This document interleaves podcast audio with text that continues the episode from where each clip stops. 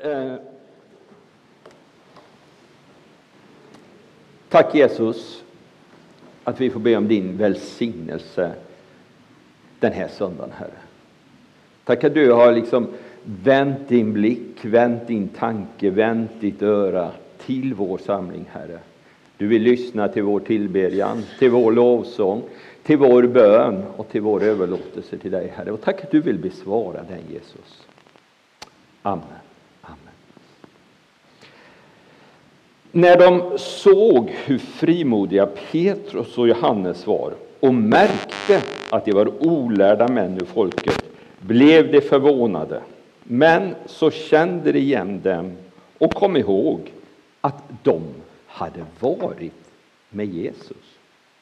Men så kände de igen dem och kom ihåg att de hade varit med Jesus. Eh, läser du Bibeln? 2000, vilket jag har gjort massor med år, och i år har jag liksom gjort ett eget, jag köpte en ny bibel för jag tappade bort min andra, så hittade jag den igen. Så nu ska jag läsa folkbibeln i år och det var folkbibeln jag läste för dig nu. Men i Bibel 2000 står det att de kände igen dem som följeslagare till Jesus. Och här står det att de hade varit med Jesus. Den här versen skulle man kunna tänka så här, är liksom navet i det tredje och fjärde kapitlet i Apostlagärningarna. Det är kring den här versen som hela de här kapitlerna kretsar. Kapitlerna inleddes med det som Anders läste för oss. Petrus och Johannes kommer upp till templet för eftermiddagsbönen. Där möter de den lame mannen. Petrus räcker ut handen, tar tag i honom och han blir helad. Så rullar kapitlerna på och när du kommer då till det fjärde kapitlet och den här versen så fortsätter det. Och i slutet av det fjärde kapitlet är det som vi ibland har lite svårt med, egendomsgemenskapen. Där avslutas det. Och här emellan kommer jag att vandra några minuter och plocka upp några saker. Men navet, tänker jag, är den här versen. Det är kring det här det snurrar. Ordet som jag fastnar för i versen är ordet frimodiga eller frimodig. Frimodig, frimodiga, frimodighet.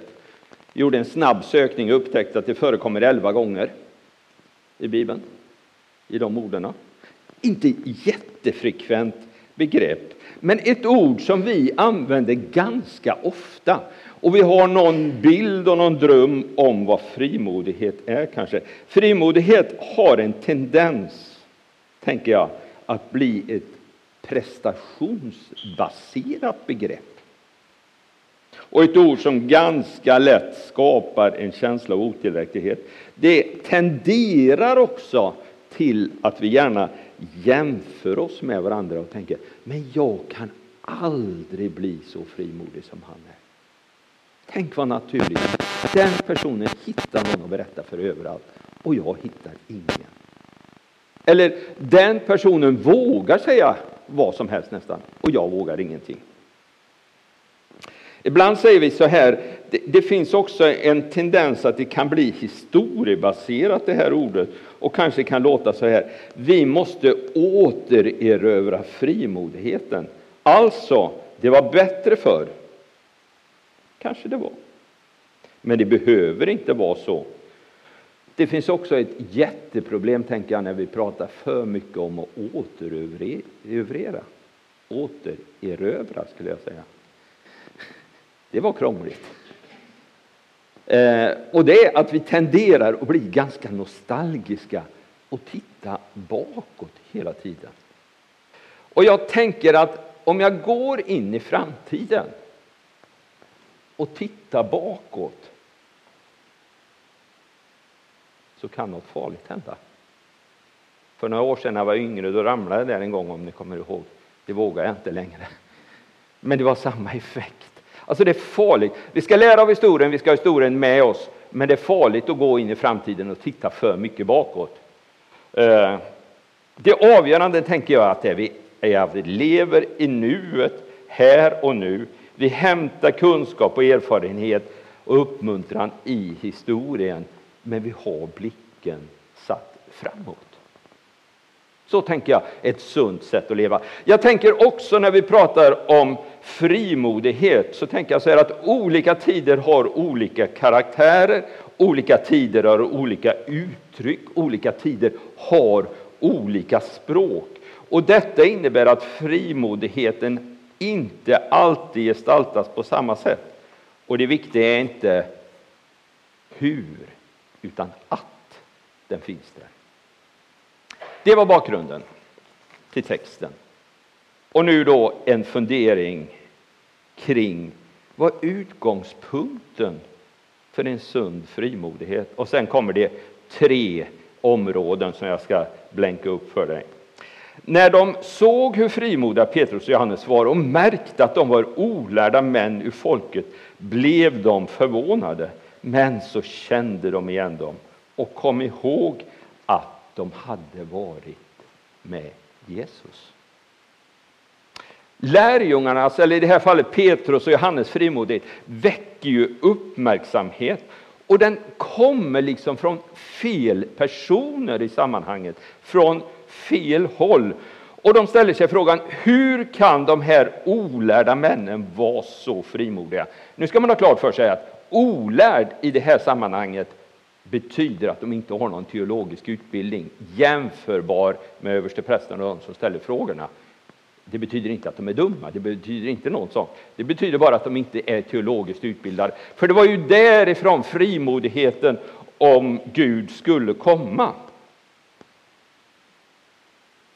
Frågan är alltså, vad finns det för grund för deras frimodighet? Och då kan du ju säga, ja men det här är ju ett särskilt bibelsammanhang. Tänk vilket fantastiskt sammanhang. Historiskt sett så ligger det precis nästgårds till Jesu död och uppståndelse. Historiskt sett ligger det ännu närmare Andens utgjutande. Historiskt sett så är de här lärjungarna ögonvittnen till allt vad Jesus har gjort. Och historiskt sett så är sammanhanget jätteviktigt i Bibeln. Det är klart att de har ett försprång. Eller Eller? Eller är det så att alla Bibelns texter står där och är principiella och gäller för alla tider? Så lärjungarnas gemenskap med Jesus Kristus skiljer sig i den bemärkelsen inte från din och min relation med Jesus Kristus i det sammanhanget. Och så tror jag det är. Visst, det finns en historisk skillnad men en principiell lika. Det är precis, tänker jag när jag suttit och läst texten, som att de här medlemmarna i Stora rådet, liksom det har ju hänt mycket. Ena dagen så uppväcks, eller eh, blir den lame frisk, det blir uppståndelse, Petrus får predika, de blir gripna, sätter i fängelse över natten och så dagen efter så sätter sig Stora rådet, eller om de stod, och så tittar de på Petrus, ställer frågor på Petrus och Johannes. Och så börjar Petrus att tala. Och då börjar de tänka så här, tror jag. Men det är ju något bekant med det här. Det är någonting som vi känner igen i Petrus sätt att svara, men vi kan ju inte riktigt greppa vad det är. Och när de har på ett tag så är det precis som det klickar till för de här översteprästerna. Och så säger de, nu fattar vi. De har ju varit de som var tillsammans med Jesus Kristus. Och utifrån det så växer frimodigheten fram. Kanske de till och med när det klarnar lite mer kan identifiera Petrus. Ja, men det var ju han som var inne på min gård, kanske Kajfa säger, och förneka. Nu fattar jag hur det hänger ihop. Varför var de så frimodiga? Ja, men de hade varit tillsammans med Jesus. Alltså, någonstans tänker jag grunden till en sund frimodighet, det är upplevelsen av Jesus Kristus.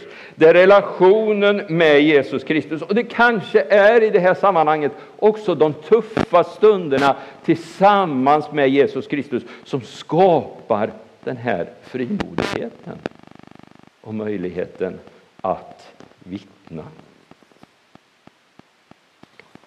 Om man bara får fantisera lite grann utifrån bibeltexten till då, så hänger vi kvar vid Petrus Om vi på något sätt försöker att tänka oss in i hans situation, vad som har föregått förhöret, precis det jag berättade. Undret, natten i häktet och nu står han där. Jag kan tänka mig att den där natten i häktet fanns ett antal timmar då Petrus funderade över sin situation. Hur ska det här lösa sig? Vart är jag på väg? Var det verkligen värt det här i efterföljelsen till Jesus? Men jag tror att han landar i ungefär så här. Alltså det är min gissning. Den är inte teologiskt belagd, men den är bra. Jag tänker att Petrus landar i ungefär det här. Men min upplevelse från Jordanfloden när Andreas liksom introducerar mig för Jesus, när vi såg de här gigantiska dopförrättningarna, när det sträckte sig ett halvår senare upp till Genesarets sjö. Ni hade fiskat hela natten och Jesus kommer och säger kom och följ mig. Och jag lämnar faktiskt mitt levebröd fast det var mitt levebröd, åtminstone tillfälligt, och börja följa Jesus. Och så kan han där under natten ta igen händelserna när han har sagt du är Messias, den levande Gudens son. Till vem skulle vi gå? Eller när Jesus har sagt till honom, gå bort Satan. Och så gör han en sammanvägning av det här. Och så tänker han, ja, men det här är livet. Det är värt allt. Det här står jag för imorgon när det blir förhör.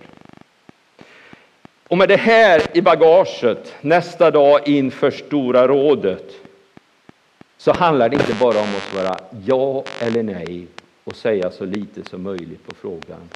Utan det handlar om att berätta. Det här har jag upplevt med Jesus Kristus. Och vad kommer du? Det kommer ur gemenskapen, vandringen med Jesus. Det finns ju en sak till som jag tror är väldigt viktig i det här sammanhanget och den ska jag inte göra någon utläggning om, den ska bara citera. Det står i den åttonde versen när Petrus ska ta till orda så står det Då fylldes Petrus av helig ande och sa. Men det tänker jag är en konsekvens av vandringen tillsammans med Jesus. Det tänker jag är en konsekvens av överlåtelsen till Jesus Kristus. Att den helige ande kommer fylla honom. Okej, okay, vad har jag sagt så här långt då? Jo, jag har sagt så här långt att jag tror att en sund frimodighet kommer ur en relation med Jesus Kristus. En sund och bärande frimodighet. Tre områden som jag tänker att frimodighet är väldigt viktig på. Den första kallar jag för tillbedjan. Och nu blev jag så glad, för när jag skrev det här innan jag åkte på pastorsdagarna. Och när vi satt där så fick jag ju slicen gratis av pingstpastor, så det kommer några av dem som vi hade där. I min lilla värld så tänkte jag yes, nu var jag rätt. Men det var kanske lite ambitiöst. Men jag fick dem i varje fall, så de kommer så småningom. Så jag knyta an till några saker som vi fick reda på. Den första, det första området där jag tycker att frimodigheten i den här lyser igenom, det är det som kallas tillbedjan, eller bön, eller lovsång, eller vad du nu sätter för titel på det, men jag kallar det tillbedjan idag för jag tycker det är ett så vackert ord. Att tillbe någon, att ge sig hän till någon. Det inleds sammanhanget med att Petrus, precis som Tom läste, som jag citerat flera gånger i vers 3 och 1. Petrus och Johannes är på väg upp till den bön som är på eftermiddagen, klockan tre ungefär. Antagligen var det tre bönetillfällen, ett tidigare nu och sen ett i solnedgången kan finnas lite olika varianter på det där. De är på väg till det när undret sker. När vi har liksom passerat igenom alla de här händelserna med undret, med predikan, med förhöret, med häktet, med frigivandet. Så hände följande. När de nu hade blivit frisläppta gick de till sina egna och berättade allt vad översteprästerna och de äldste hade sagt till dem.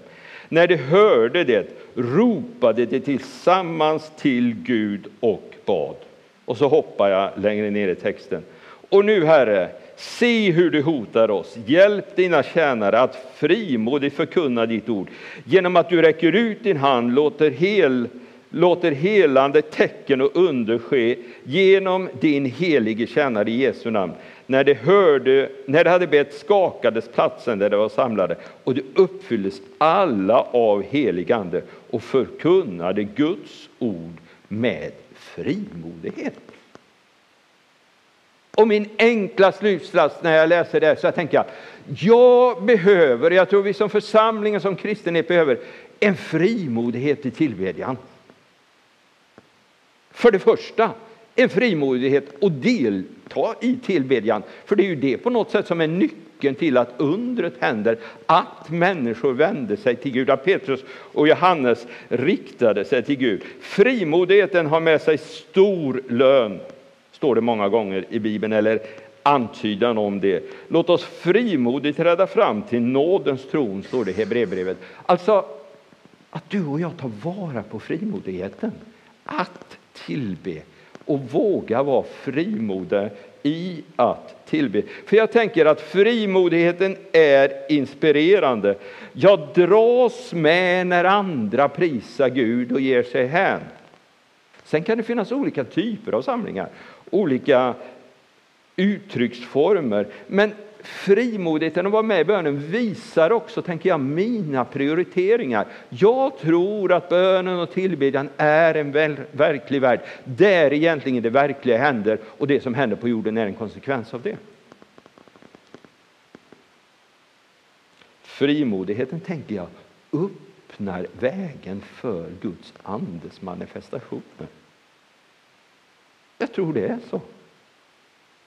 Frimodigheten i tillbedjan gör att profeten kommer i tjänst. Frimodigheten i tillbedjan gör att kunskapens ord kommer i funktion. Frimodigheten i tillbedjan gör att vi vågar smörja varandra med olja och be. Det är ju det som på något sätt existerar hela tiden i de här kapitlen. Frimodighet i lovsång och så vidare. Första kvartalet 2020 kommer att präglas väldigt stor utsträckning av bön och tillbedjan. Och oberoende av varandra har liksom de här bilderna lagts till varandra. Vi har själva annonserat två veckor när vi ska särskild bön, vecka 5 och 6.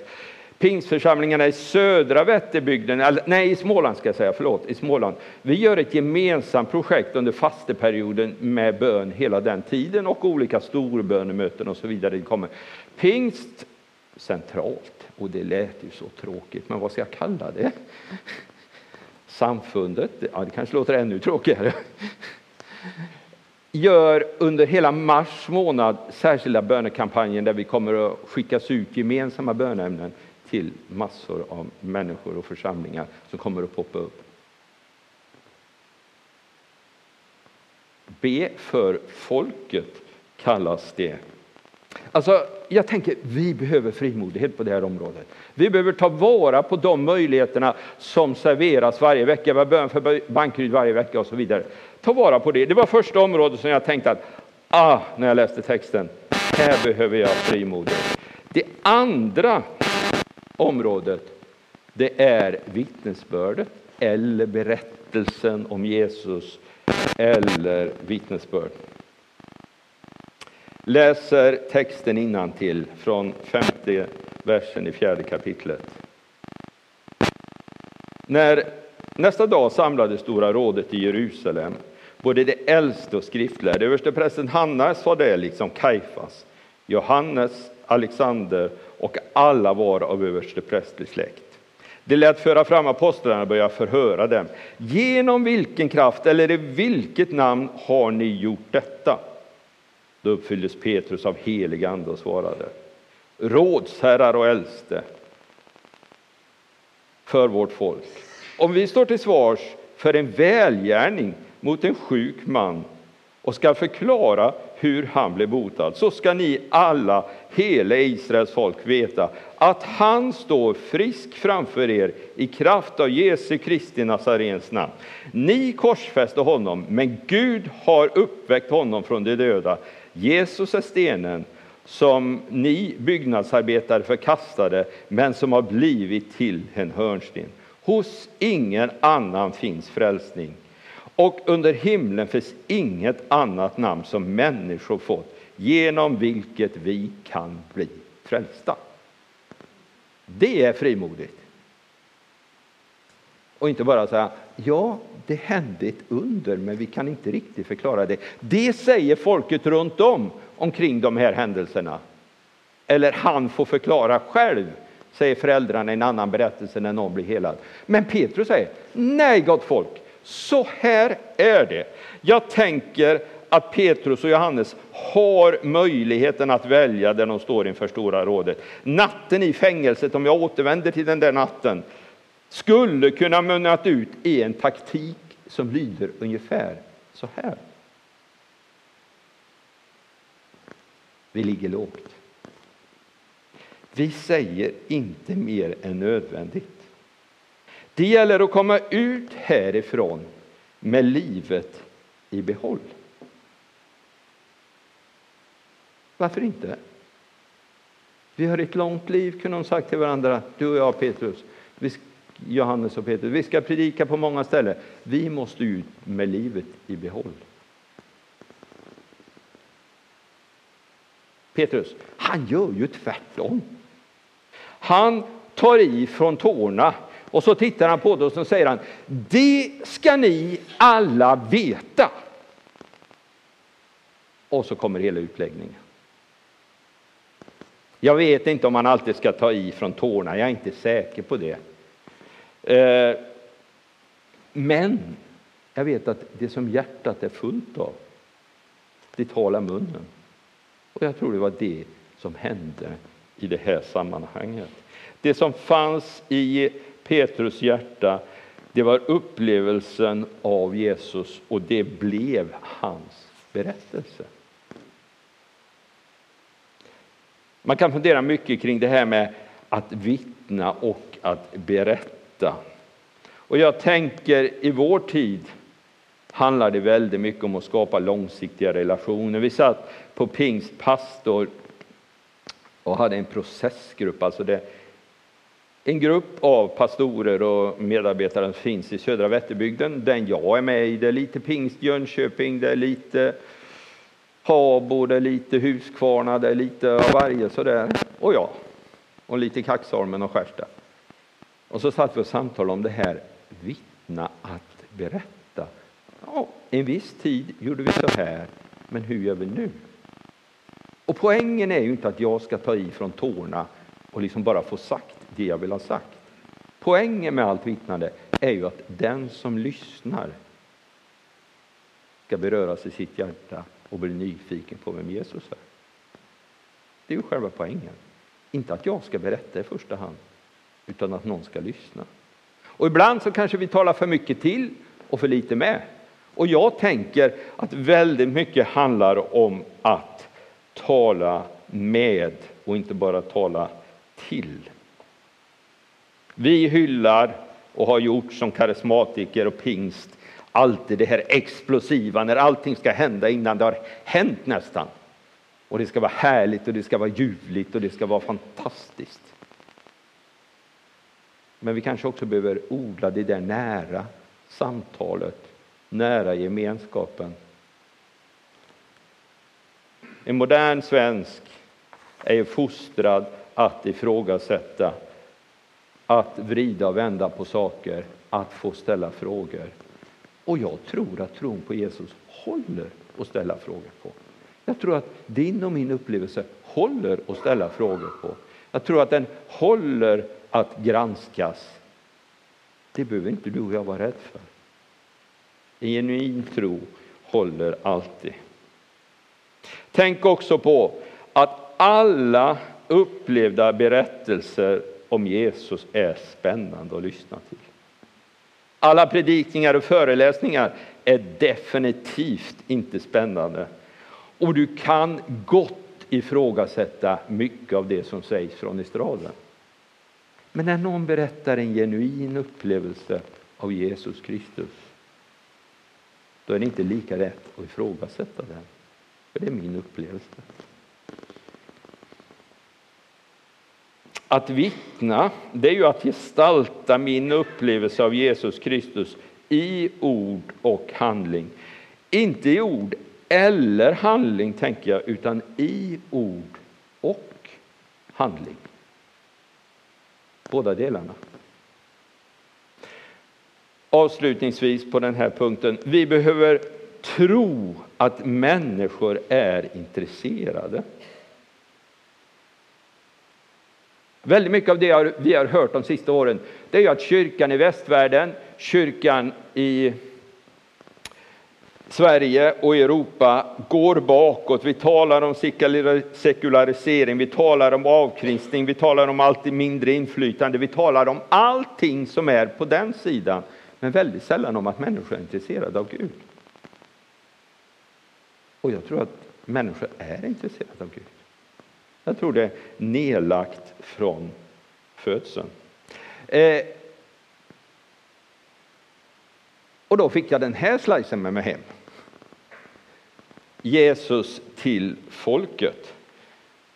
Be för folket och Jesus till folket. Det är liksom, om man skulle säga det lite nonchalant och enkelt, slogan för något av det som Pingst jobbar med det här året.